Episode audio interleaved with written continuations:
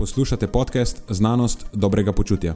To je oddaja, v kateri odkrivamo, kako lahko znanost pomaga izboljšati vaše počutje in kako kritično razmišljanje omogoča sprejemanje dobrih odločitev na področju zdravja in fitnesa.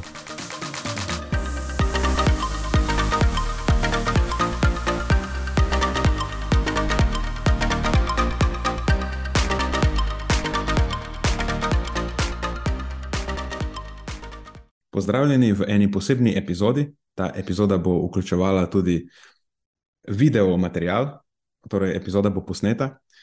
Naložena je tudi v audio obliki, tako da če poslušate samo audio, lahko nadaljujete, vseeno pa vas uspodbujam, da preverite še video, ker bo za tokratno epizodo video precej pomemben. Namreč epizoda bo vključevala kar nekaj slikovnega materiala, rečemo temu, grafov in tako naprej. Zna se zgoditi, da če epizode ne gledate, bo mogoče kakšna stvar manj smiselna, tako da na tisti točki lahko referirate na video epizodo, ki je objavljena na YouTubu. Namen te epizode je pokazati, kako kritično oceniti Instagram post, verjetno se isto nanaša tudi na Facebook post, ampak pač nek post oziroma objavo na družbenih medijih, ki se ukvarja s prehrano. Namreč v zadnjem času se pojavlja veliko profilov, ki trdijo, da komunicirajo o prehrani na evidence-based način, torej na način, ki je utemeljen na znanosti in radi uporabljajo razne angliži temu rečejo buzzwords, fraze, znanstveno zveneče, kaj pravi literatura, kaj pravi znanost, kaj pravijo dokazi. Mm, kljub temu, da v bistvu dokazi ne pravijo tega. In na prvi pogled je to težko ugotoviti. Jaz vam bom pa danes proval stvar malo olajšati, in za ta namen bomo vzeli en učni pripomoček iz enega profila, ki evidentno išče mojo pozornost. Namreč, V zadnjem času sem se probal od teh stvari nekako oddaljiti, mm, realno mi ni v interesu tega početi, ampak predvsej očitno me svet ne pusti uživati v miru in me vedno znova potegne nazaj in uh, zahteva od mene, da pač uh, izpostavim stvari, ki so neprimerne. Preden začnemo, pa se moram zahvaliti še našim sponzorjem. Zaenkrat to še vedno ni velika korporacija, temveč zvesti poslušalci, ki nam izkazujete zaupanje in podporo s prijavo v našo člansko skupino Znanost dobrega počutja. Hvala vsem, ki s tem držite luči prižgane in omogočate podkastu, da raste in postaja še bolj kakovosten. Hvala tudi vsem, ki nas podpirate s pozitivnimi komentarji in visokimi ocenami, ter s tem, da priporočate podcast svojim znancem in prijateljem. Zdaj pa je končno čas za začetek epizode. Uživajte ob poslušanju.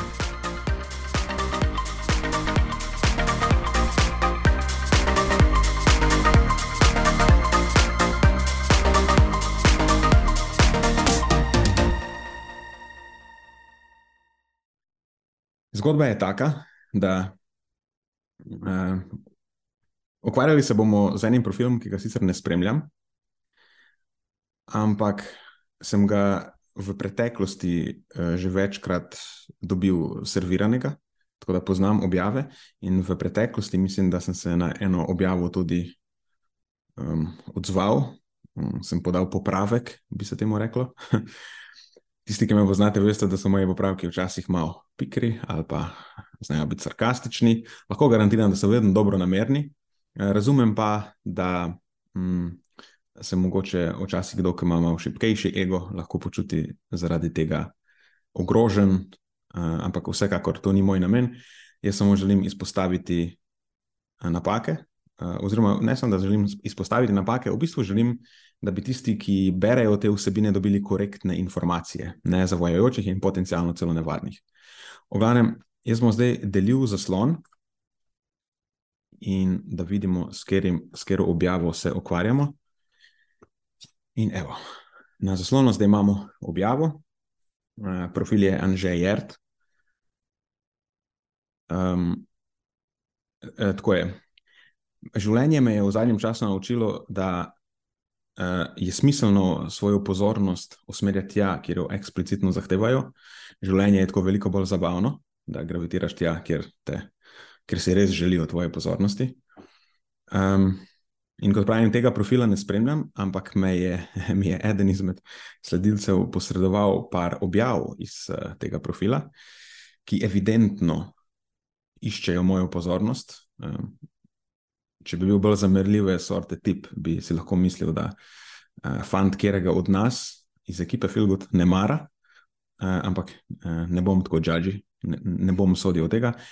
Je pa um, pač evidentno, da se, se išče moja pozornost. In jaz bom zdaj v to epizodo posvetil absolutno, uh, popolno pozornost eni izmed teh objav.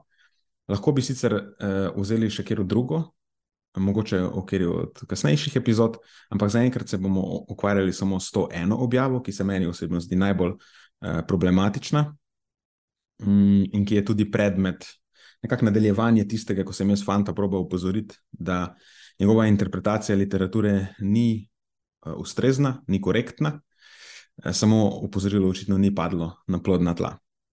Tako da, tisti, ki gledate video, tukaj je zdaj odprt odprta ta objava. Za tiste, ki pač ne gledate in poslušate, bom objavo vseeno prebral. In naslovnica pravi: naslov je eh, velik naslov. Kaj kaže literatura? In vprašanje z klicajem in vprašanjem, torej gre za kontroverzno vprašanje, očitno. Nasičena maščoba ne povzroča srčno-žilnih zapletov. Tako da to je nekakšen predmet tega, eh, te objave. Zdaj bom prebral komentar in gredko. Nasičene maščobe ne povzročajo srčno-žilnih bolezni. Klicaj. Tukaj zdaj več ni vprašanja, samo klicaj. To, to je trditev. Torej. In nadaljuje. Pa smo spet tam. Dve leti nazaj sem objavil podcast, kjer govorim o tem, da uživanje malo više količine nasičenih maščob. Tukaj je že problem, ne malo više. Ni bilo rečeno malo više. Trditev je bila, da nasičene maščobe ne povzročajo, oziroma niso povezane ker povzročanje niti ni prava beseda, da niso povezane. Tako da to je bila trditev. No, da nadaljujem. Da više količine nasičenih maščob ne bo povišalo tveganja za srčno-žilna obolenja, pa sem bil strani določenih eh, carjev, v narekovajih, tukaj te narekovaje malo zamerim. Torej, carjev, takoj označen za guruja in človeka, ki se ne drži znanosti. Tako je. Jaz sem te opozoril, da tisti pregled, ni bil dober pregled. In ni bil dober pregled, resnično ni bil dober pregled. Um, ampak uh, upam, da tega nisi vzel uh, preveč osebno, ampak malo vse skupaj, spet ne bi rad sodil o tem, ampak zgleda, da je bil prizadet nek ego. Um, moj namen je bil izpostaviti napake uh, in tisti, ki je pameten, potem te napake si vzame k srcu in preveri, ali se mogoče res moti uh, ali pa ne. To bi jaz naredil um, se mi ne zdi pa smiselno potem uh, double down, kot reče angliže, ne še bolj trdno zagrabiti za svoje prepričanje, kot je nekdo izpostavi napako. Ampak ok, pustimo, pustimo to ob strani. In potem nadaljuje v komentarju. Danes si bomo pogledali na hitro, v klepajih, ja, na hitro, kaj so zaključili v najnovejšem pregledu literature, ki je bil objavljen 5. septembra 2022 v Evropskem in inštitutu za preventivno kardiologijo. Pregled je bil objavljen v reviji, ni, ni bil objavljen v inštitutu. Um, v reviji, revija je čist ok, je pa tukaj stvar, ki se je pomembno zapomniti. Če je revija ok, če je revija dobra, še ne pomeni, da so vsi članki v njej ok. Um, pač dobre revije včasih objavljajo oziroma dobre revije načeloma objavljajo večinoma dobre članke, ampak včasih se infiltrira tudi kak, ki ni dober. Po drugi strani pa tudi slabe revije tu in tam objavijo dober članek. Tako da samo ta revija um, ne pove nič, kaj dosti potrebno je preveriti članek sam po sebi. In potem nadaljuje v komentarju, se pravi, ni kar nek kekec pregledal literature. Tukaj je, eh, torej ni nekaj, kar spregledal literature. Namiguje torej, da so ta pregled upravili avtori, ki zelo dobro poznajo eh, področje, ki so mogoče celo neke uveljavljene avtoritete na tem področju. Torej, v bistvu gre za sklicevanje na avtoriteto, ki je samo po sebi v bistvu um, napaka v argumentiranju, ampak ok. Samo ta se pravi, ni kar nekaj kekec pregledov literature, je v, tem konkretnem primeru še posebno komična stvar. Bomo ugotovili, zakaj eh, kasneje. Ampak, dajmo si zaenkrat samo to zapomniti. Torej, trditev je, da je to res super upravljen pregled, ki so ga upravili eh, strokovnjaki na tem področju. In potem nadaljuje komentar pri objavi. Na hitro je potrebno omeniti še, kako si kvaliteta dokazov sledi po vrsti. Tukaj nam bo zdaj pojasnjena kvaliteta dokazov. In sicer najmanj kvalitetni dokazi so dokazi študij primerov, potem sledijo kohortne in epidemiološke oziroma opazovalne študije, na to randomizirane študije in na koncu najdemo najbolj, najbolj kvalitetno literaturo v sistematskih pregledih. Vsaka po svoje nosi težo. Tukaj ne vem, kako to najlepše povem, ampak evidentno je, da fant ne razume, kaj pomeni hierarhija dokazov v znanstveno-raziskovalnem delu. Ta stvar nima nič opraviti s kvaliteto, kakovost je pravilna slovenska beseda, s kakovostjo dokazov. Kakovost dokazov je odvisna od metodologije raziskave, odvisna je od vključenega vzorca in še marsikaj drugega, nima pa veze s tem, kje na tej um, piramidi, v, kjer, v tej hierarhični piramidi, se ta um, raziskava nahaja. Ker imamo dobre, pa slabe opazovalne raziskave, in dobre in slabe um, klinične raziskave, in imamo tudi dobre in slabe sistematične preglede in metaanalize. In dobra opazovalna raziskava, ki je primerno opremljena, da odgovarja na vprašanje, ki si ga je zastavila, je vedno boljša, bolj kakovostna, je bolj kakovosten dokaz od recimo neke randomizirane klinične študije, ki pa vključuje recimo slab vzorec. Um, ki neki, neke stvari pozabi nadzorovati. Um, tako da, še enkrat, hierarhija nima veze s kakovostjo. Uh, plus, ta hierarhija se uporablja za biomedicinske raziskave, torej za raziskovanje zdravil. V prehrani je precej manj um, relevantna, v prehrani so doskrat celo opazovalne raziskave bistveno boljši dokaz kot randomizirane klinične študije. Ni vedno tako, lahko pa so. Ok, pustimo to za enkrat ob strani, se premaknemo naprej. Osebno, to je zdaj spet komentar, osebno sam epidemiologijo ponavadi dajem bolj na stran. Viš, to je zdaj tukaj problem. Ne? ne moreš dajati epidemiologije na stran, če se ukvarjaš s prehrano. Epidemiologija v prehrani je zelo, zelo pomembna, lahko bi rekli, celo, da je temeljna. Ampak ok, gremo naprej. Je pa v primeru nasičenih maščob zelo pomembna, ker višji vnos nasičenih maščob v prehrani pokaže svoje prave zobe šele tekom našega življenja. Ok, tukaj se strinjam.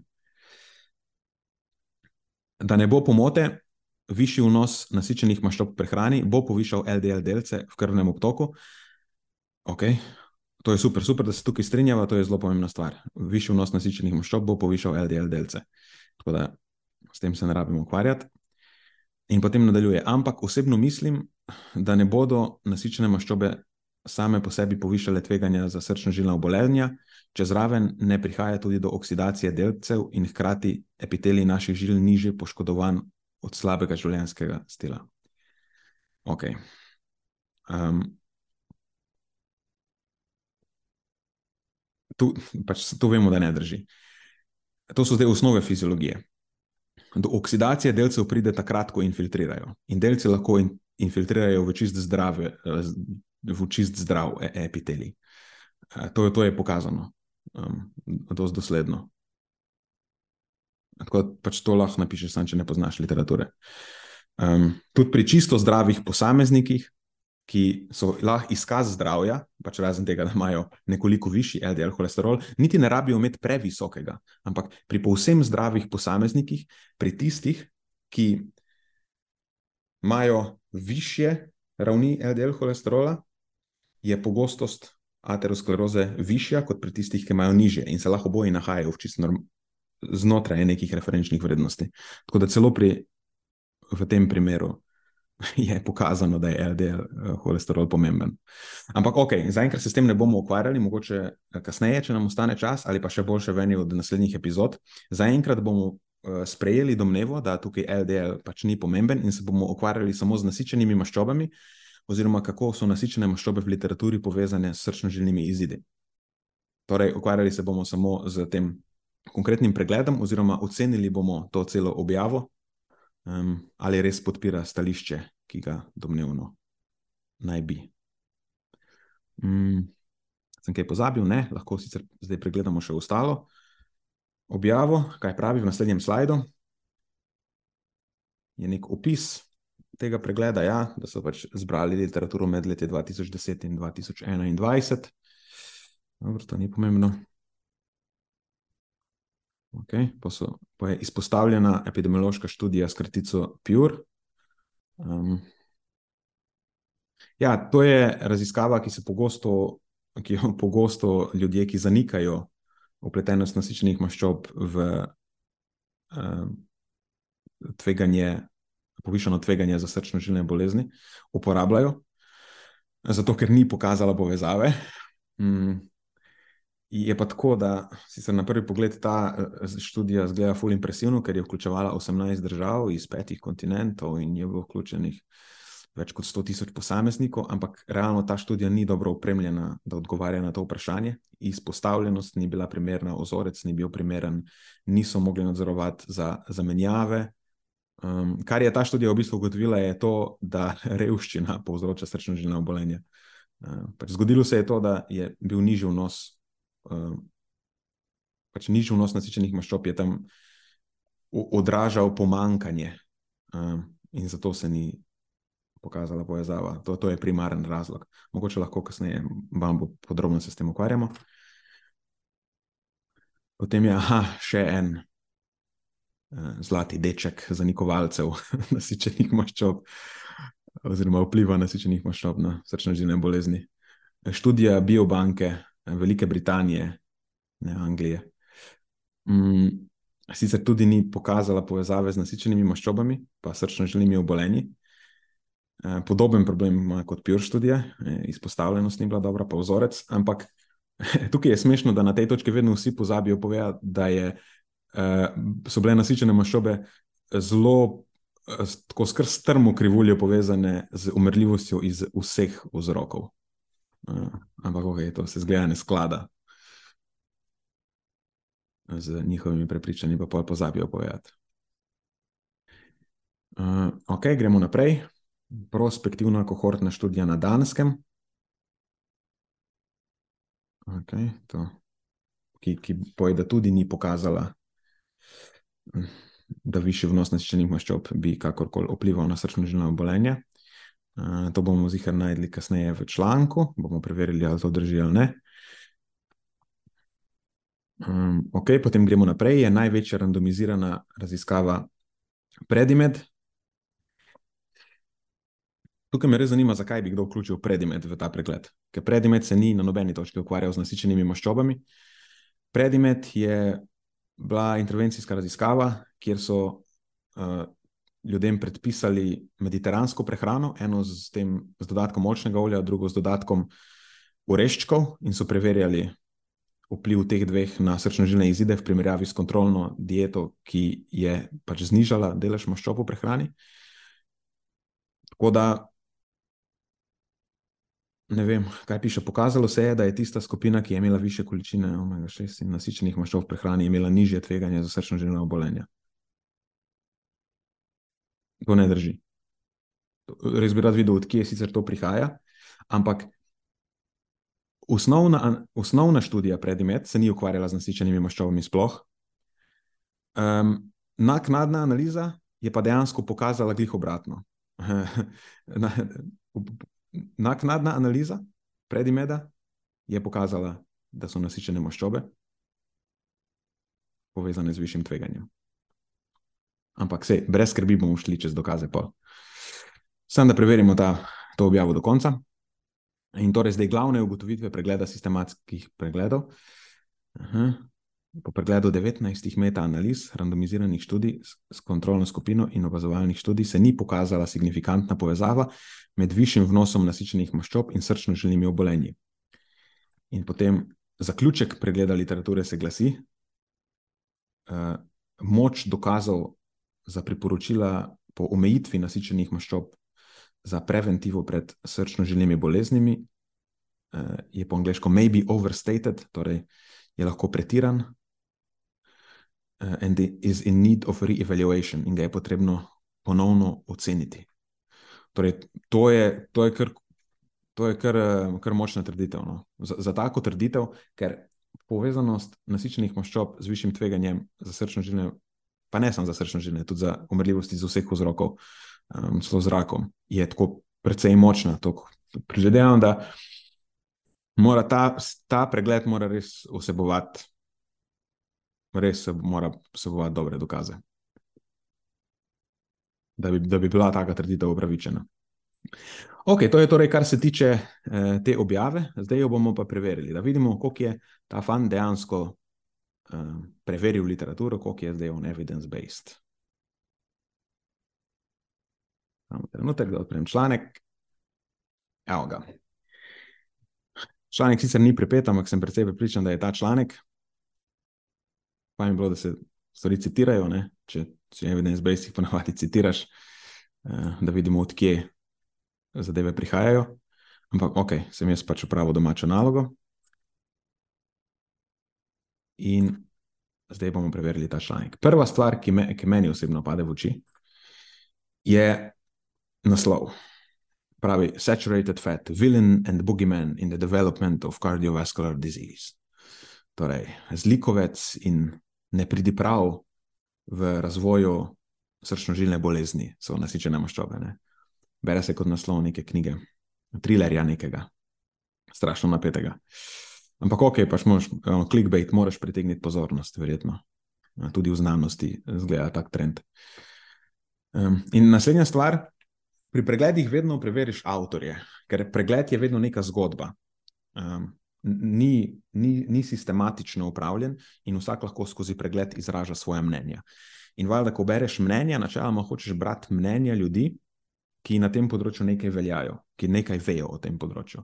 Ne greš brati, ker pregledal e, ker enih ljudi, ker potem že v osnovi, če ti nisi jih dobro seznanjen s področjem, kako boš vedel, če imajo prava, pa ne. Tako da pregled je že v osnovi malo tako, tako, ampak ok, če začneš recimo se ukvarjati z nekim področjem, lahko uporabljaš tudi preglede, samo moraš biti zelo pazljiv. In no, v tem primeru. Dajmo preveriti, ker jaz namreč imen teh avtorjev ne poznam, Reymara Valk, James Hamill in Jonas Grip, slišim prvič. Tudi če pogledam, odkje prihajajo, American University in Dubai, Trident Elite Training, mm, Management Institute. Okay. Vsekakor uh, ne, ne zgleda optimistično, no? ampak vseeno, dajmo zdaj iti preveriti, kdo so ti ljudje. In kako to lahko naredimo, je, recimo, pogledamo, kje članke so v preteklosti objavili bomo kar izbrali Google Scholarja, da pogledamo in malo preverimo naslove.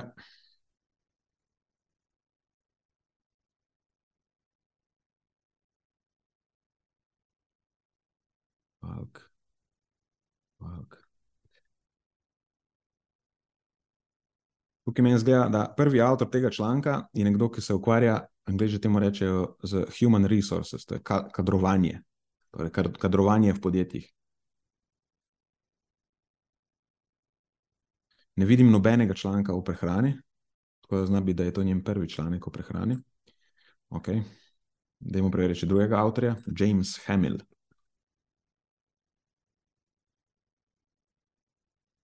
To je ta. To so neki volkovi. Predvidevam, da je tudi tle bil en od avtorjev, volkovi. Um, to sicer dvomim, da je ta isti James Hamill. Spet volkovi, spet starejši članek. Volkovi. Okay. Drugi avtor raziskuje volkove. Tukaj se jim prežge rdeča lučka, ponovadi ljudje, ki raziskujejo neke živali, se pa ful poistovetijo z njimi. Tako da zna biti, da je, to, da je ta James Hamill nek, nek ekstremen karnivor, ki hoče biti malo volk, pa pa sem meso je. Ne šalim se. Ampak poanta je, da preverimo še tretjega. Ok, ta sploh nima nobenih publikacij do zdaj. Torej, poanta je, da oba dva prva avtorja, eden se ukvarja uh, s kadri, uh, drug pa z volkovi. Tako da meni osebno se to zdi izjemno problematično, uh, če govorimo, da se konkreten članek je komprehenziv, uh, torej nek celovit pregled izjemno kompleksnega področja, ki je vpliv nasičenih maščob na srčno življenje zdravje. Ne pravim, da uh, bi to že a, a, takoj izključuje, da je ta članek ok, samo recimo, da je ena eh, rdeča lučka, pa da je opozorilo. Ker zdaj, če bi jaz zanemaril ta članek samo na podlagi tega, da so avtori pač eh, kadrovniki in da se ukvarjajo z volkovi, bi bilo to spet neko sklicevanje na, na avtoriteto, je eh, napaka v argumentiranju. Ker jaz osebno poznam kupenih ljudi, ki imajo tudi samo srednjo šolo končano, pa se na prehrano razumejo bistveno bolj kot neki doktori prehrane. Tako da ne moremo samo na podlagi tega izključevati, ampak zdaj, če se, če se vrnem nazaj, na, ne, na to objavo, kjer piše, se pravi, ni kar nek kekec pregledal literature. Ok, mogoče kekec je res overstatement, res ni bil glih kekec, ampak tudi niso bili pa neki strašno priznani ali pa sposobni strokovnjaki iz tega področja. Tako da, ok, ampak recimo, da bomo to oprostili. Torej, če se vrnemo na članek, imamo zelo zanimiv uh, naslov, ki je vreden bestseller trilerja. In potem uvoda ne bomo brali, čeprav v uvodu lahko včasih ugotoviš, kam pes taco moli. Ne? Ponavadi vidiš, kakšno je neko stališče ali pa eh, predobstoječa prepričanja avtorjev. Tako da lahko tudi to opravimo, domačo nalogo tukaj.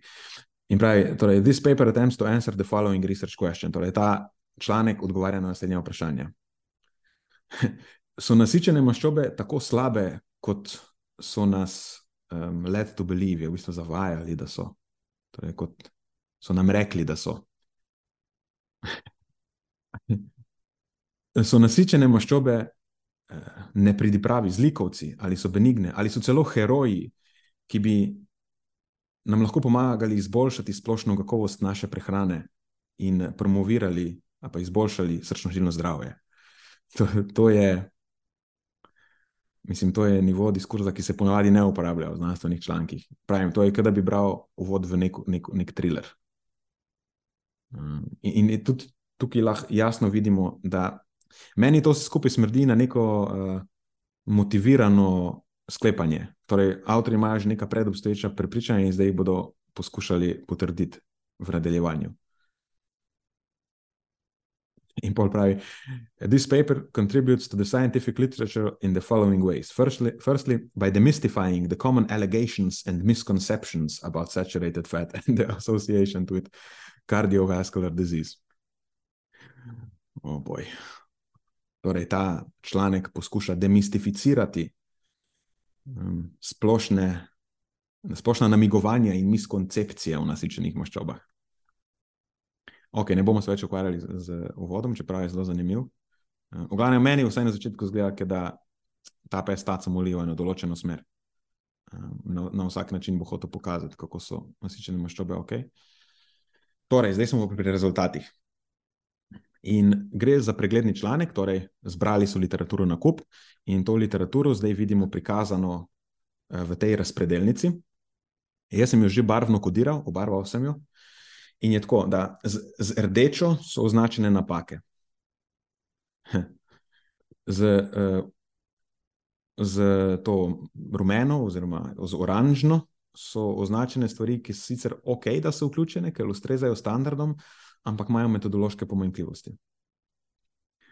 Zeleno so pa označene stvari, ki bi jih tudi jaz uh, vključil tako v takšen pregled. In zdaj najboljše, da gremo kar po vrsti. Na začetku imamo štiri opazovalne raziskave in potem tri uh, klinične randomizirane uh, raziskave. Bomo začeli, ker uh, prvo dve sta raziskavi od Pragmana. To so tiste danske raziskave, ki so omenjene tudi v objavi, prospektivna kohortna študija na Danskem. In tukaj, eh, to je najbrž prepisano iz, eh, iz besedila članka, in pravi, da opazovala je ta dan, eh, prospektivna kohortna študija na Danskem 4700 in nekaj ljudi, mlajših od 55 let, kjer se je pokazalo, da višji vnos nasičenih maščob ni imel vpliva na srčno-žilna obolenja. In zdaj bomo šli, ni imel vpliva. In zdaj bomo šli pogledat tega Pragmana, 2016, bom jaz odprl obe dve Pragmanovi raziskavi. Okay. In bomo našli to z 4722 udeleženci. In zaključek te raziskave, če greš dejansko raziskavo odpret, pravi: In this Dutch population, we observed that a higher intake of palmitic acid, which accounts for around 50% of the total saturated fatty acid intake, was associated with a higher coronary heart disease risk. Koda v bistvu pravi, da je na tem vzorcu višji vnos palmitinske kisline, ki predstavlja 50 odstotkov skupnega vnosa nasičenih maščob, povezan z višjim tveganjem za koronarno srčno bolezen. Sicer na koncu za skupen vnos res niso ugotovili povezave, ampak eh, ta, ta, ta izostanek povezave v tem delu je zelo enostavno pojasniti. Uh, pri nizozemcih je visok vnos uh, nasičenih maščob tudi iz uh, mlečnih izdelkov in za mlečne izdelke, sploh sire, pa mleko, vemo, da je, da je učinek uživanja teh živil na srčno življenje izide drugačen od višjega vnosa ostalih nasičenih maščob. Tako da v bistvu v tem primeru nasičene maščobe so bile povezane in to ne drži. To, kar tukaj piše, oprosti, Anže, če bi šel preveriti zaključek, bi gotovo, da to ne drži. In če se vrnemo zdaj nazaj na naš članek, tudi vidimo, da so tukaj napačno zavedli zadevo. Pač Pragman ni bil evidence of no effect ali pa positive, em, positive impact, pač ni bil pozitiven učinek, če mu je bil negativen učinek. Mogoče bi jim spregledal, če bi napisali no effect, ampak tudi to ne bi bilo korektno. Bil je negativen učinek.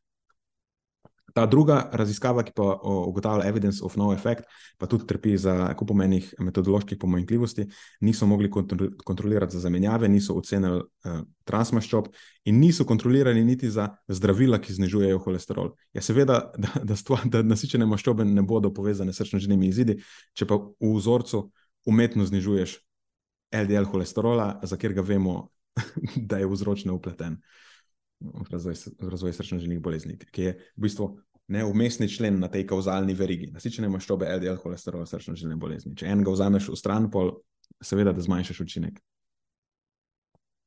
Da, okay. Ampak, če nadaljujemo, posta Degan in Ho, to sta te dve raziskavi, Pure pa Biobank, lahko se s tem kasneje ukvarjamo. Ok, da ste vključeni, Ampak, kot že rečeno, trpita za metodološkimi pomanjkljivostmi, nista opremljeni dobro, da spoh lahko odgovorite na to vprašanje. Um, pač nista primerni, da testirate hipotezo ali višji vnos nasičenih maščob uh, poviša tveganje za srčno-žilne bolezni. Pač nista. Tukaj je samo smešno še to, da zraven tega je naveden spektr kot vir. Um, to, je, to je knjiga, The Diet Myth. Uh, the Real Science Behind. Tukaj vidim, da so v mestu malo hotro navajali, tako kar knjige navajajo kot, kot vire v znanstvenem članku. The Piopi daje, to je neka low-carberska knjiga. Ne, spet nočem prehitro sklepati, ampak vidimo, kam pa je staca moli. Ok, počne nadaljujemo, to so bile zdaj opazovalne raziskave, imamo randomizirane raziskave, ki so jih, jih vključili. Um, tukaj ta estruh je predimet, ki smo rekli, da ne vem, zakaj so jih sploh vključili, ker niti 2013, niti 2018 članek od Estruha se ne ukvarja z nasičenimi maščobami. Oni so tukaj označili kot pozitiv impact. Raziskavo z mediteransko dieto, ki je v bistvu dieta z višjim vnosom večkrat nenasičenih maščob in nižjim vnosom nasičenih maščob, Estruh je ugotovil, da pač pozitivno vpliva na srčno življenje izide. Oni so to označili kot pozitiv impact za nasičene maščobe. Kako jim je to uspelo, nimam pojma, Imam pa tukaj eno pritožbo čez to. Namreč 2015 je bila objavljena naknadna analiza um, pač osnovne raziskave in je ugotovila točno obratno. Sem da jaz zdaj to najdem. To je Gaušfer 2015. Torej, naknadna analiza predimet raziskave in kaj so zaključki. Intakes of monounsaturated fatty acids and polyunsaturated fatty acids were associated with a lower risk of uh, cardiovascular disease and death, whereas saturated fatty acids and trans fat intakes were associated with a higher risk of cardiovascular disease. Torej, enkrat nenasičene in večkrat nenasičene maščobe so bile povezane z nižjim tveganjem, nasičene in transmaščobe pa z višjim tveganjem. To je iz predimeda. Kako potem in v članku, in tukaj v objavi lahko napišeš, da pod predimed zaključki, da se je pokazalo, da je tista skupina, ki je imela više količine nasičenih maščob, imela nižje tveganje za srčno-žilna obolenja, je beyond me. To je, bi rekel, da je površno, če sem uh, milo rečeno površno. bomo rekli tako. Ok, torej, to je, kar se predimeda tiče, gremo naprej. Posta, ko pa vija kumar, ki sploh ne vem, zakaj ste vključeni, uh, ki spet nimate sploh veze s tem vprašanjem. To nista bili raziskavi o vnosu nasičenih maščob, ampak je šlo za zamenjave olj, ki se uporabljajo med kuhanjem ali pa ne. Tako da spet nimate veze s tem vprašanjem, um, ampak zaenkrat pustimo to ob strani. Pač ne, to, tukaj nima kaj iskati. Potem je Mocafarien, ki je dejansko prvi sistematičen pregled in metaanaliza, uh, ki je dobra v tem pregledu in ugotavlja negative impact. Veliko presenečenje. Torej, neugoden vpliv nasičenih maščob na srčno-žilne bolezni. In pol imamo z oranžno spodaj označeno metaanalize siritarina, čauderija, novejše od siritarina, um, desozo, harkom. To so metaanalize, ki, ok, sicer da so vključene, ampak so metaanalize, ki niso ugotovile povezave, ampak zdaj živemo. Takrat, sicer, ko so bile objavljene, je bilo tako, veš, kako so bili lokarberi veseli. Ampak zdaj vemo, zakaj niso pokazali povezave, ker imajo kupenih metodoloških pomanjkljivosti.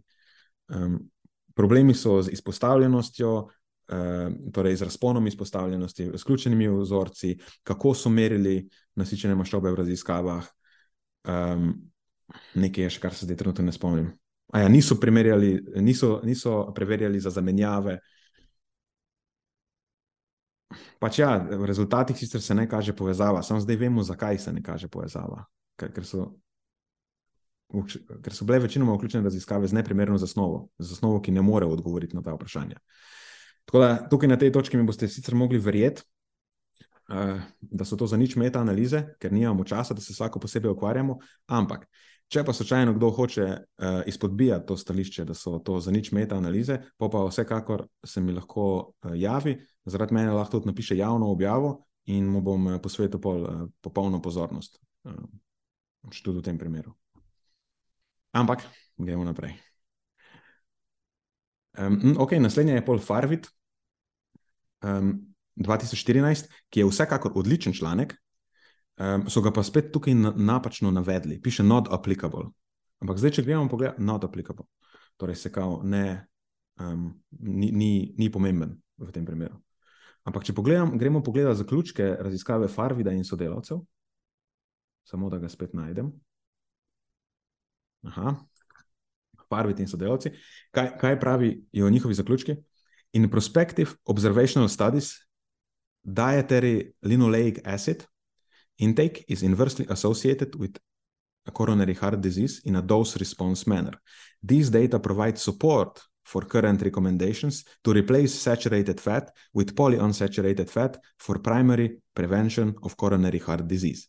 Torej, ugotovili so, da višji vnos večkrat nenasičene maščobe je obratno povezan, torej zniža tveganje za koronarno srčno bolezen v odmerka uh, odvisnem načinu, ali pa na, od odmerka na odvisen način. Torej, več je večkrat nenasičene te maščobe v prehrani, niže je tveganje.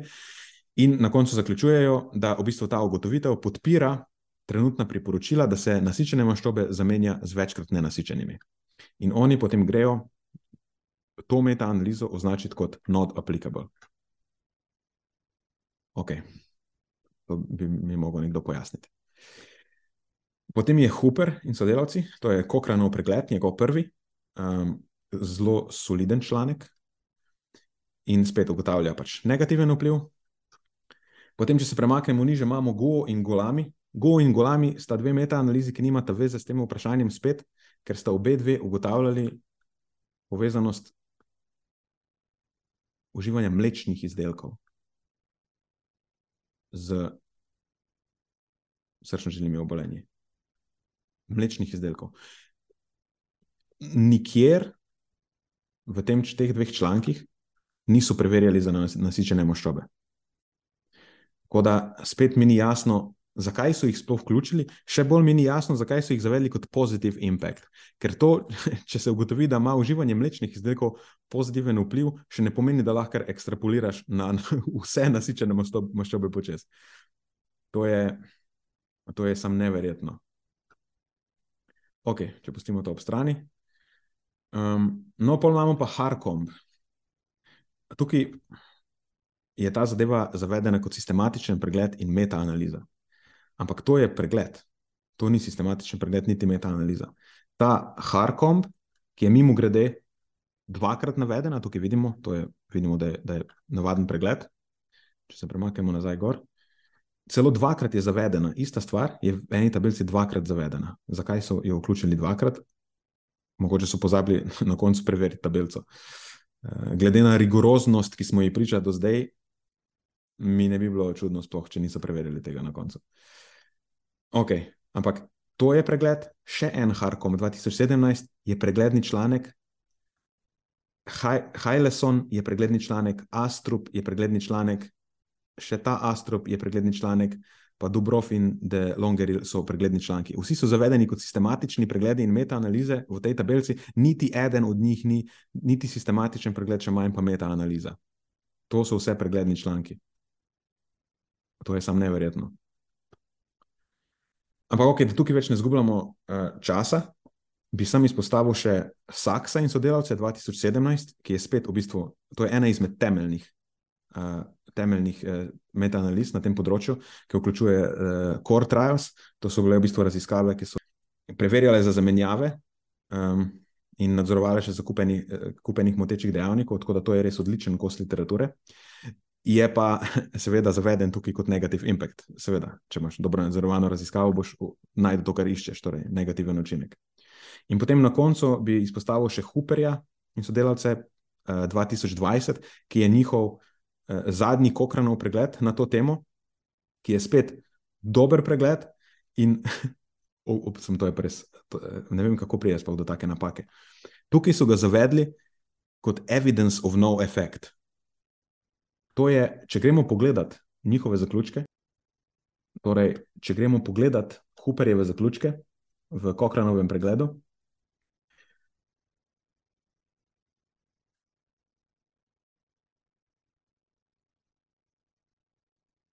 Ja, malo sem prehiter.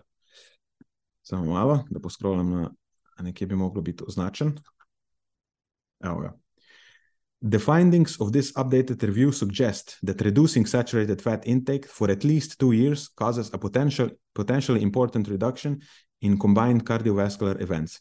Replacing the energy from saturated fat with polyunsaturated fat or carbohydrate appear to be useful strategies, while effects of replacement with monounsaturated fat are unclear. The reduction in combined, combined cardiovascular events resulting from re reducing saturated fat did not alter by study duration, sex, or baseline level, level of cardiovascular risk, but greater reduction in saturated fat caused greater reductions in cardiovascular events. Kako boš zdaj to zavedel? Pod evidence of no effect. To je zelo zanimivo. Drugač pa, kaj se še lahko naučimo iz, iz, iz tega Hooperja, je to, oni so upravili kupenih uh, analiz v tem, tem njihovem članku, kar bi rad pokazal, je to, to se je izjemno pomembno zapomniti. Kdaj postane vnos nasičenih maščob problematičen? Takrat, ko preseže nek prag. In to je zelo pomembno, ko kritično ocenjujemo raziskave na to temo. Vemo, da je ta prag nekje nad 8, 9, 10, tukaj se začnejo pojavljati težave. Torej, če je vnos nasičenih maščob že v startu pod tem pragom, recimo, da jaz opazujem vzorec, ki ima ne vem, nekje okoli 7 odstotkov, recimo, da imajo eni 8, 7, 6, 5 odstotkov vnosa iz nasičenih maščob. Ja, seveda na tem vzorcu nasičene maščobe ne bodo povezane z, niče, z srčno-žilnimi obolenji, ker, ker je vnos pod pragom. Zelo podobno, če opazujem na drugi strani. Če jaz imam vzorec, kjer imajo vsi zelo visok vnos nasičenih maščob, seveda ne bom opazil ničesar, ker imajo vsi povečano tveganje. Z nečim moram primerjati. Torej, primerjam visoko tveganje z višjim tveganjem. Seveda ne bo noben imel povišenega tveganja. Ali pa vsaj ne na tako, ali pa vsaj učinek ne bo tako močen, da bi se lahko uh, v neki um, raziskavi z omejenim trajanjem in omejenim številom udeležencev lahko pokazal. Kar jaz rabim pri dobri raziskavi, je ustrezen kontrast znotraj mojega vzorca. Rabim zadost ljudi, ki imajo zelo nizek vnos. Za dost ljudi, ki imajo nek normalen, sreden vnos, malo čez, recimo 10, in rabim ljudi, ki imajo zelo visok vnos. Torej, v bistvu rabim zelo visok, pa zelo, zelo nizek, torej rabim cel razpon. Ker samo potem dobim zadost močan učinek, da ne rabim imeti neke bolane raziskave z milijoni in milijoni udeležencev, ki traja 500 let, da bi lahko ta učinek statistično pokazal. In večina teh raziskav, smo, o katerih smo prej govorili, trpi za tem pomankanjem. Ali imajo vzorec samo na tej strani, ali samo na tej strani, ali nimajo zadost ljudi na obeh ekstremih, ali ne trajajo zelo dolgo. In vse to je v bistvu Kokram pokazal s svojimi pregledi. Raziskave, se lahko se premaknemo dol. To bi lahko bi imeti celo nekje označene te zadeve. Ena 44, a je, okay, še malo nižje, tu nekje se to začne to so substitutions. Okay, tukaj vidimo, ne, da je pač zamenjava za eh, poline nasičene maščobe se pokazala kot najbolj koristna, ampak nisem hotel tega pokazati. Hotel sem pokazati to, kdaj se pokaže učinek, v kakšnem trajanju. Ne, tukaj so recimo te raziskave vključene v to metaanalizo, razvrščene glede na trajanje, oziroma grupirane glede na trajanje. In vidimo, da pri raziskavah, ki so trajale 1 do 24 mesecev, se učinek ni pokazal. Pokazal se je pri raziskavah, ki so trajale vsaj več kot dve leti. Ne? Ker to je obdobje, skozi katerega se nabere za dost dogodkov, da jaz lahko statističnimi metodami dejansko ugotovim ta učinek. Ker iz danes na jutri noben ne umre zaradi visokega vnosa nasičenih maščob. In, in niti ne v dveh, v dveh letih. In še druga stvar je pomembna, kakšen je tvoj izhodiščen vnos. Ne? Ker če imaš že v izhodišču precej nizek um, vnos nasičenih maščob, potem, če ti ga dodatno zmanjšamo, seveda ne bomo našli učinka. Tako da samo raziskave, kjer ima veliko udeležencev med, eh, med 15 in 18, ali pa še celo več kot 18 odstotkov energije iz nasičenih maščob, to so tiste raziskave, ki najdejo učinek ker so to raziskave, ki načeloma vsebujejo v vzorcu zadosten kontrast med, ne, med obema ekstremoma. In tudi važno je, koliko znižaš. Ne? Če nekomu, ki ima 18 odstotkov energije iz nasičenih maščob, ali pa 15, recimo v štartu, in mu znižaš samo za 4 odstotke, si še zmeraj na 10 odstotki, nisi ničesar dosegel. In seveda se učinek ne pokaže. Pokazal se pa bo, če mu znižaš vsaj za 4 do 8, ali pa še boljše, več kot 8. Da, to so tri stvari, ki jih je zelo pomembno pri tem upoštevati. Kakšne so začetne ravni, oziroma kakšen je začeten vnos nasičenih maščob, koliko ti uspe zmanjšati, pa kako dolgo opazuješ. Ker če tega nimaš pokritega, in niti Pure, niti um, Biobank tega nista pokrili, in še ena stvar je zelo pomembna, stvar zamenjav. Torej, s čim zamenjaš. Tukaj bom zdaj referiral na eno zadevo, ki ni sploh omenjena v tem pregledu, ampak je tako landmark raziskava. To je še ena stvar. Zakaj ni vključen li v ta sistematičen pregled, je Beyond Me. To je tako, vsak, ki je kadarkoli se ukvarjal s tem področjem, je že prebral Lija, um, ker vsi vedno referirajo na njega. In Li in sodelavci so v tem članku pokazali, da je učinek znižanja nasičenih maščob na srčno-žilne izide odvisen od zamenjave, torej s čim zamenjaš nasičene maščobe. Ker če jih zamenjaš stran s maščobami, potem A se ne zgodi nič, oziroma lahko se pričakuje celo povišeno tveganje. Okay? Če jih zamenjaš z večkrat nenasičenimi maščobami, je pozitiven učinek največji. Torej, um, lahko pričakuješ najboljše iz, iz, izboljšanje ali pa zmanjšanje tveganja, če nasičene zamenjaš z večkrat nenasičenimi. Potem naslednje so enkrat nenasičene, ker je učinek malo mal manjši, ampak še zmeraj um, um, zelo ugoden. Potem sledijo uh, na, ugljikovi hidrati iz celih žit, oziroma polnovrednih žit, polnozrnatih žit, ker je učinek tudi pozitiven, torej je spet koristno, če zamenjaš nasičene maščobe z polnovrednimi ugljikovimi hidrati. In potem po drugi strani, če pa zamenjaš nasičene maščobe z rafiniranimi ugljikovimi hidrati in sladkorji, potem pa pač v neki splošni populaciji ne moreš pričakovati pozitivnih izidov. In recimo Pure je bila ena taka raziskava, ki je imela to pomanjkljivost. Evo, zdaj, ki smo že, ni, ni kontrolirala za to. Zdaj, ki smo že na tej točki, lahko odpremo še Pure in to oboje razdelamo, problem kontrastov in problem um, tega, da niso uspeli um, preverjati za zamenjave. To je zdaj Pure raziskava. Ne, na začetku pravijo, oziroma v naslovu pač piše, da je vključevala 18 držav. To se, to se, to se sliši, sliši super, sam v tem primeru to ni prednost. Um, ker gre za drža, države, ki so po celem svetu na petih kontinentih, so izjemno različne, imajo zelo različno prehrano, um, zelo različni dostop do živil, uh, zelo različen socioekonomski status, zelo različen dohodek. In kljub temu, da neke stvari sicer so tukaj probali nadzorovati, vsega niso uspeli dobro nadzorovati, in dejansko to potem tudi v zaključku sami povejo. Rad bi sem pokazal to, ne, da pravijo: It is possible that high consumption of carbohydrate and low consumption of animal products might reflect lower incomes, and residual confounding of our results cannot be completely excluded. To pomeni, da je v njihovi raziskavi v bistvu nizek vnos nasičenih maščob nek indikator revščine v azijskih državah. In če se zdaj premaknemo tukaj gor, če gremo pogledati podatke,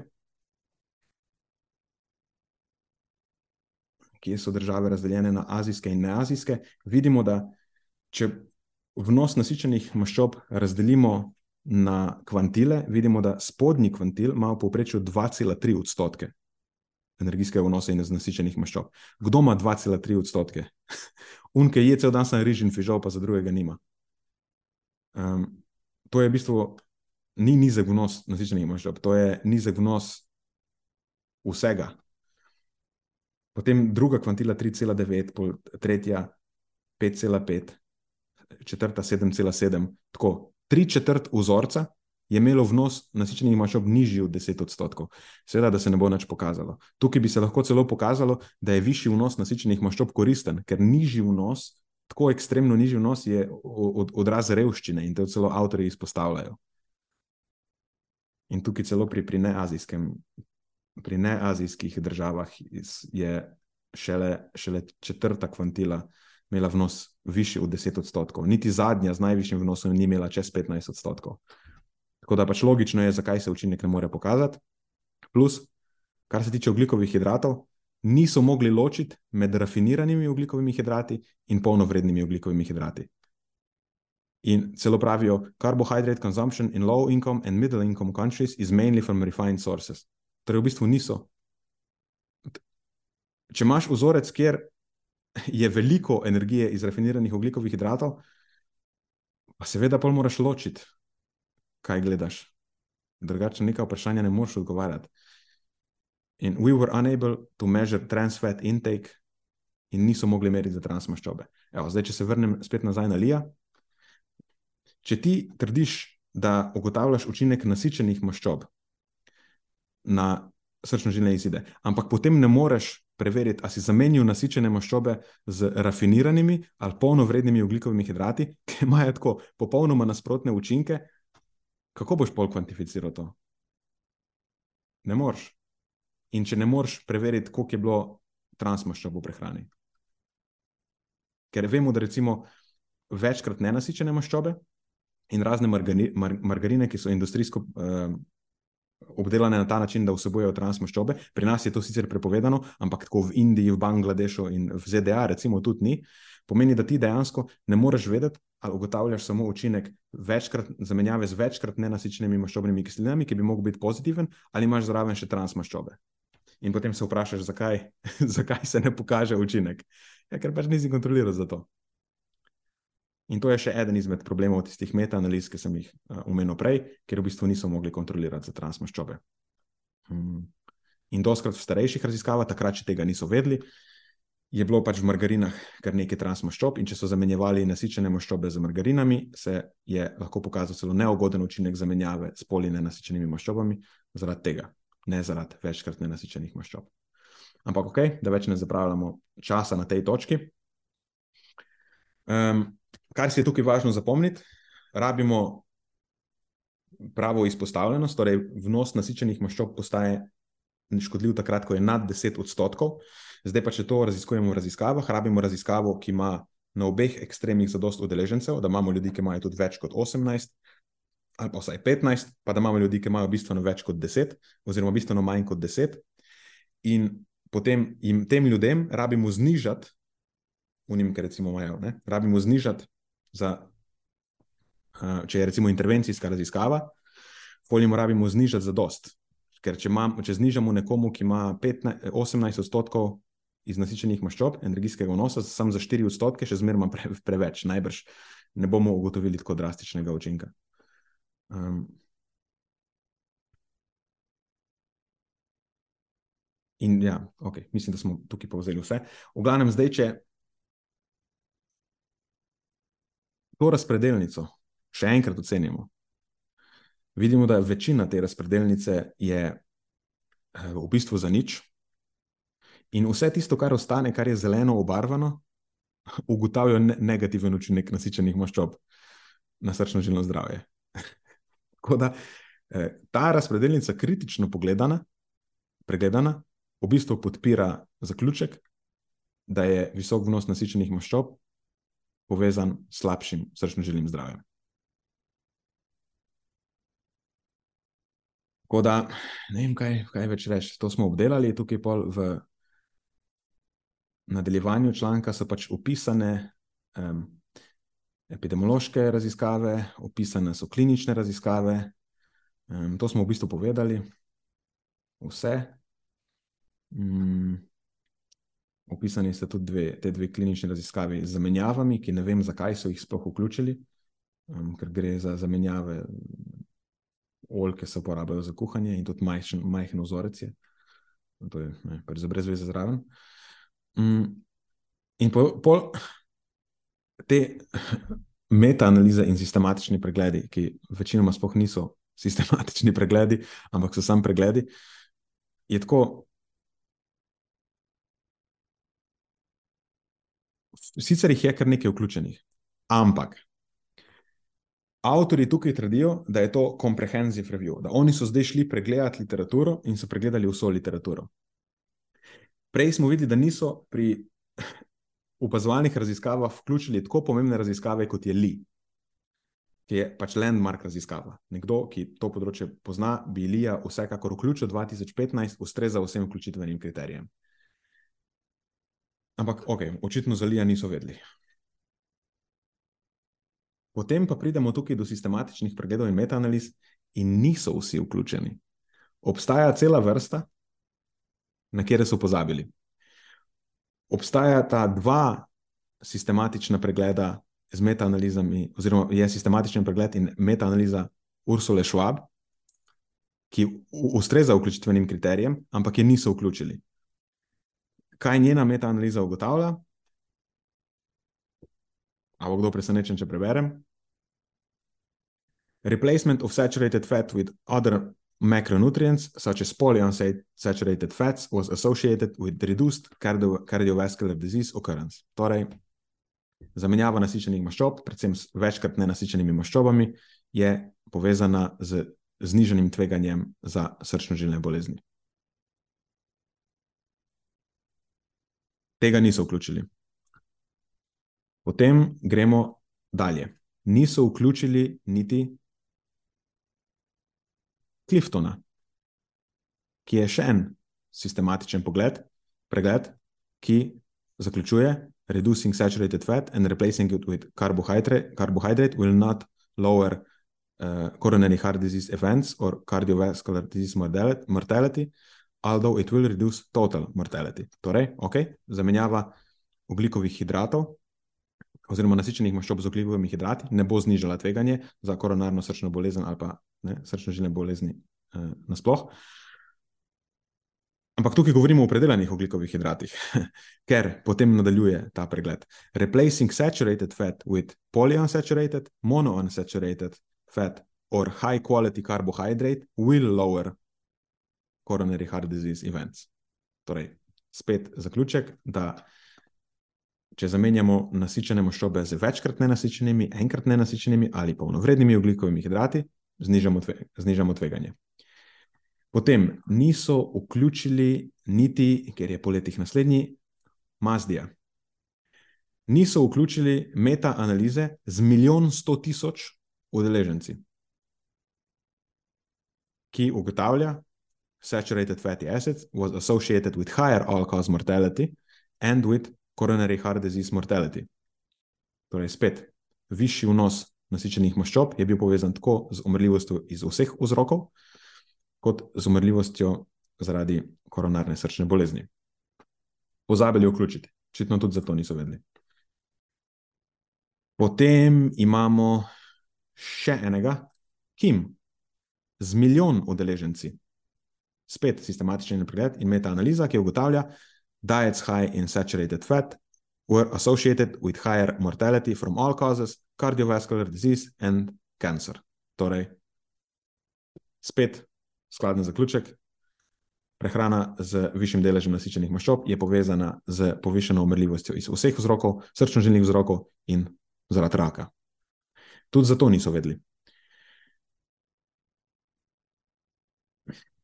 Zdaj, kako lahko temu rečemo, da je to nek uh, celovit pregled? Pač ni celovit pregled. In tukaj dejansko gledamo v, uh, v, v samo mašinerijo tega, zakaj danes je toliko zmede v prehrani. Ker tudi v znanstveni literaturi se objavljajo take stvari, in potem ljudje, ki so neuki, um, to kao znanstveno literaturo berejo in prepisujejo iz teh člankov stvari, ki so njim osebno všeč. Ne grejo preveriti literature, ne poznajo, kaj sploh morajo preveriti, samo dejansko papigirajo um, to, kar je napisano v teh člankih, Zato, ker jim je všeč. Jaz enostavno ne vidim tukaj drugega razloga. Uh, tako da ta post, nažalost, v ničemer ne kaže, kaj kaže literatura, ampak je samo papigiranje nekega zelo za nič članka, za katerega sploh ne vem, kako je lahko prišel čez strokoven pregled v tej reviji. Um, in ti zaključki definitivno niso nekaj, kar um, kaže literatura zdaj lahko še sicer ta članek preverimo do konca, ne? ker tudi zaključek je precej komičen. Kako so zdaj oni vrednotili to analizo? Zbrali so uh, članke iz te razpredelnice, so jih zmetali na kup, dobesedno so jih zmetali na kup, temu se sploh drugače ne more reči, in so z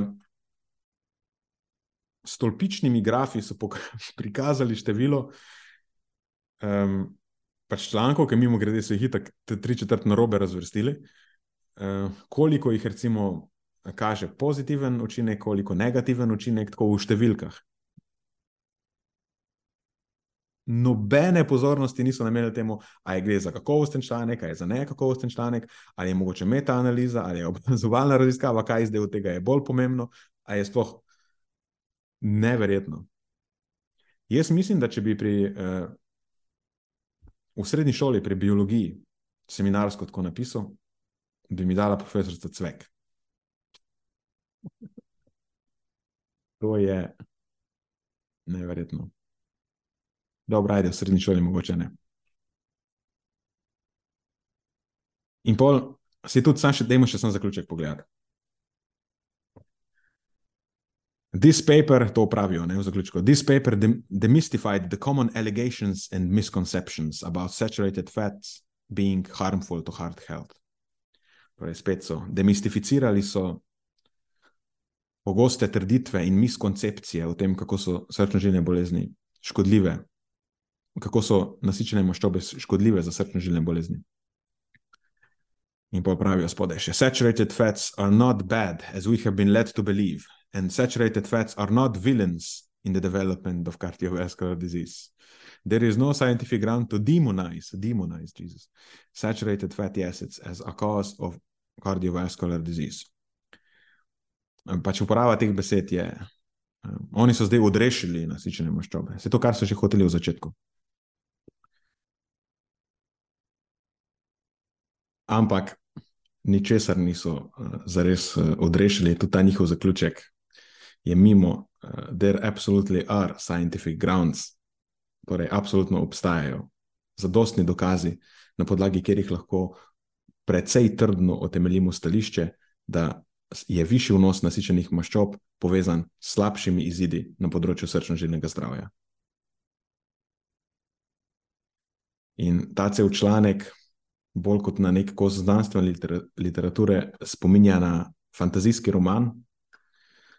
Tu, če gremo pogledat še enkrat za zaključek njihovo tabelico, vidimo, da bi rekel, da več kot ajde, polovica stvari je kodirana z rdečo, pomeni, da so vključevali članke, ki nimajo nič opraviti z vprašanjem, ki so ga postavili, ali pa so jih citirali na robe. Ena četrtina jih je kodiranih z rumeno oziroma oranžno, pomeni sicer, da zadeve, ki so vključene, ustrezajo vključitvenim kriterijem, ampak jih niso dobro ovrednotili, niso izpostavili njihovih metodoloških pomanjkljivosti, ki so danes že precej očitne. In potem imamo par stvari, ki so kodirane zeleno, torej stvari, ki so vključene na ustrezen način in ki so dejansko kakovostni kosi literature, brez presenečenja in praktično brez izjem, ti kosi literature kažejo na negativen učinek višjega vnosa nasičenih maščob na srčno-žilno zdravje. Tako da mislim, da je to vse, kar lahko povemo v tem članku lahko sicer povemo še tudi to, da v tej razpredelnici manjka kup enih pomembnih stvari. Ne vem, kako so jih lahko pozabili vključiti. Nekdo, ki pozna to področje, bi jih vsekakor vključil. Manjka, recimo, Landmark, Lijev članek, manjkajo vsaj tri zelo pomembne metaanalize na tem področju. Tako da, nasplošno negativna ocena za ta članek. Tukaj se skozi nasmejem, ko poskrolam čez te njihove Eh, predstavitve rezultatov, grafične, ko so zmetali so stvari na kup, dobesedno prešteli so jih.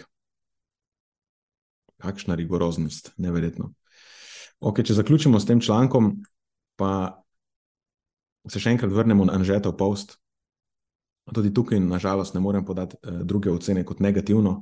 Vprašanje je, kaj kaže literatura, ampak literatura, nažalost, kaže um, ne to, da nasičene maščobe ne povzročajo srčno-žilnih zapletov. Mislim, že samo izbira beseda po, povzroča je eh, vsaj za me osebno problematična na tej točki, ampak literatura kaže zelo dosledno, da je višji vnos nasičenih maščob povezan s slabšimi izidi na, na področju srčno-žilnega zdravja. In to kaže zelo dosledno. In kaj pomeni višji vnos?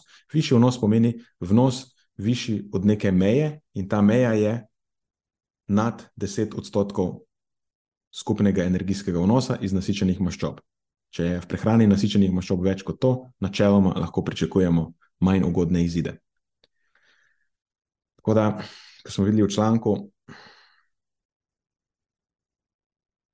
kako lahko prideš do zaključka, da višji vnos nasičenih maščob ni povezan z neugodnimi izidi, samo tako, da pač čeri pikaš literaturo. Torej, da izbiraš tiste češnje, ki so ti všeč, unih, ki pa ti niso všeč, pa ne upoštevaš, jih celo uh, zanemarjaš. In to je, da jim temu rečemo, zmota v argumentiranju. Zdaj pa, če gremo še skozi ostale slide, čisto na hitro, v tem Anžetovem postu. Epidemiološka študija s kratico PUR smo pokazali, ima evidentne pomanjkljivosti, metodološke pomanjkljivosti in pač ni dobro opremljena, da, da odgovarja na to vprašanje. Naslednja je opazovalna študija Biobanke Velike Britanije, ki ima podobne pomanjkljivosti. In uh, tukaj si pozabil omeniti, da je kljub tem metodološkim pomanjkljivostim, v tem članku višji vnos nasičenih maščob s precej strmo krivuljo povezan z višjo umrljivostjo iz vseh vzrokov. Potem naslednja je ta prospektivna kohortna študija na Danskem, za katero smo ugotovili, da je na tem slajdu spet narobe zavedena, namreč višji vnos nasičen, določene nasičene maščobe, ki je precej reprezentativna za skupen vnos nasičenih maščob, je povezan z višjim tveganjem za koronarno srčno bolezen. Potem predimed, kjer smo spet pokazali, da je naknadna analiza ugotovila, da so da je višji vnos nasičenih maščob povezan s slabšimi izidi na področju srčno-žilnega zdravja. In to je to. Jaz upam, zdaj na tej točki, da si bo gospodič to vzel k srcu. Moj namen ni bil, uh, v bistvu, moj namen ni bil izpostavljati napake. Moj namen, glaven namen je še zmeraj to, da se predstavi, kaj literatura pravi na tem področju, z namenom, da ljudje dobijo korektne informacije. To, to je vedno moj namen. Um, stvari pač včasih niso tako preproste, kot izgledajo na prvi pogled, uh, znajo biti dosti bolj kompleksne. Literatura na področju prehrane je očitno, pogosteje bolj kompleksna, kot si večina uh, to predstavlja. Če kdorkoli rabi pomoč na to temo, sem jo vsekakor pripravljen nuditi. Um, tudi, če mi kdo piše v inbox s kakim uh, konkretnim vprašanjem, sem ponavadi naklonjen temu, da mu pomagam. Uh, večina se mi zdi, da ki mi je pisala kadarkoli v inbox z, v, dob, v dobri veri, ima z mano dobre izkušnje. Um, je pa pač tako, da ta situacija je malenkost nenavadna, ker tukaj je bila klica na mojo pozornost uh, na način, ki je mogoče malo pasivno-agresiven, Nekdo, ki je bolj zamrljive sorte tip, bi temu uh, mogoče celo rekel na, na predrzen način. In če to počneš na tak način, pač dobiš temu ustrezno pozornost. Tako da ne vem, kako naj to še drugače zaključim, kot mogoče s tem, da pač pazi, pa, pazi, kaj si želiš. Ker če si želiš napačne stvari, potem mogoče na koncu ti uh, končni rezultat ne bo všeč.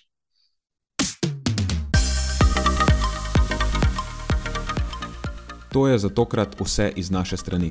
Hvala, ker ste poslušali do konca.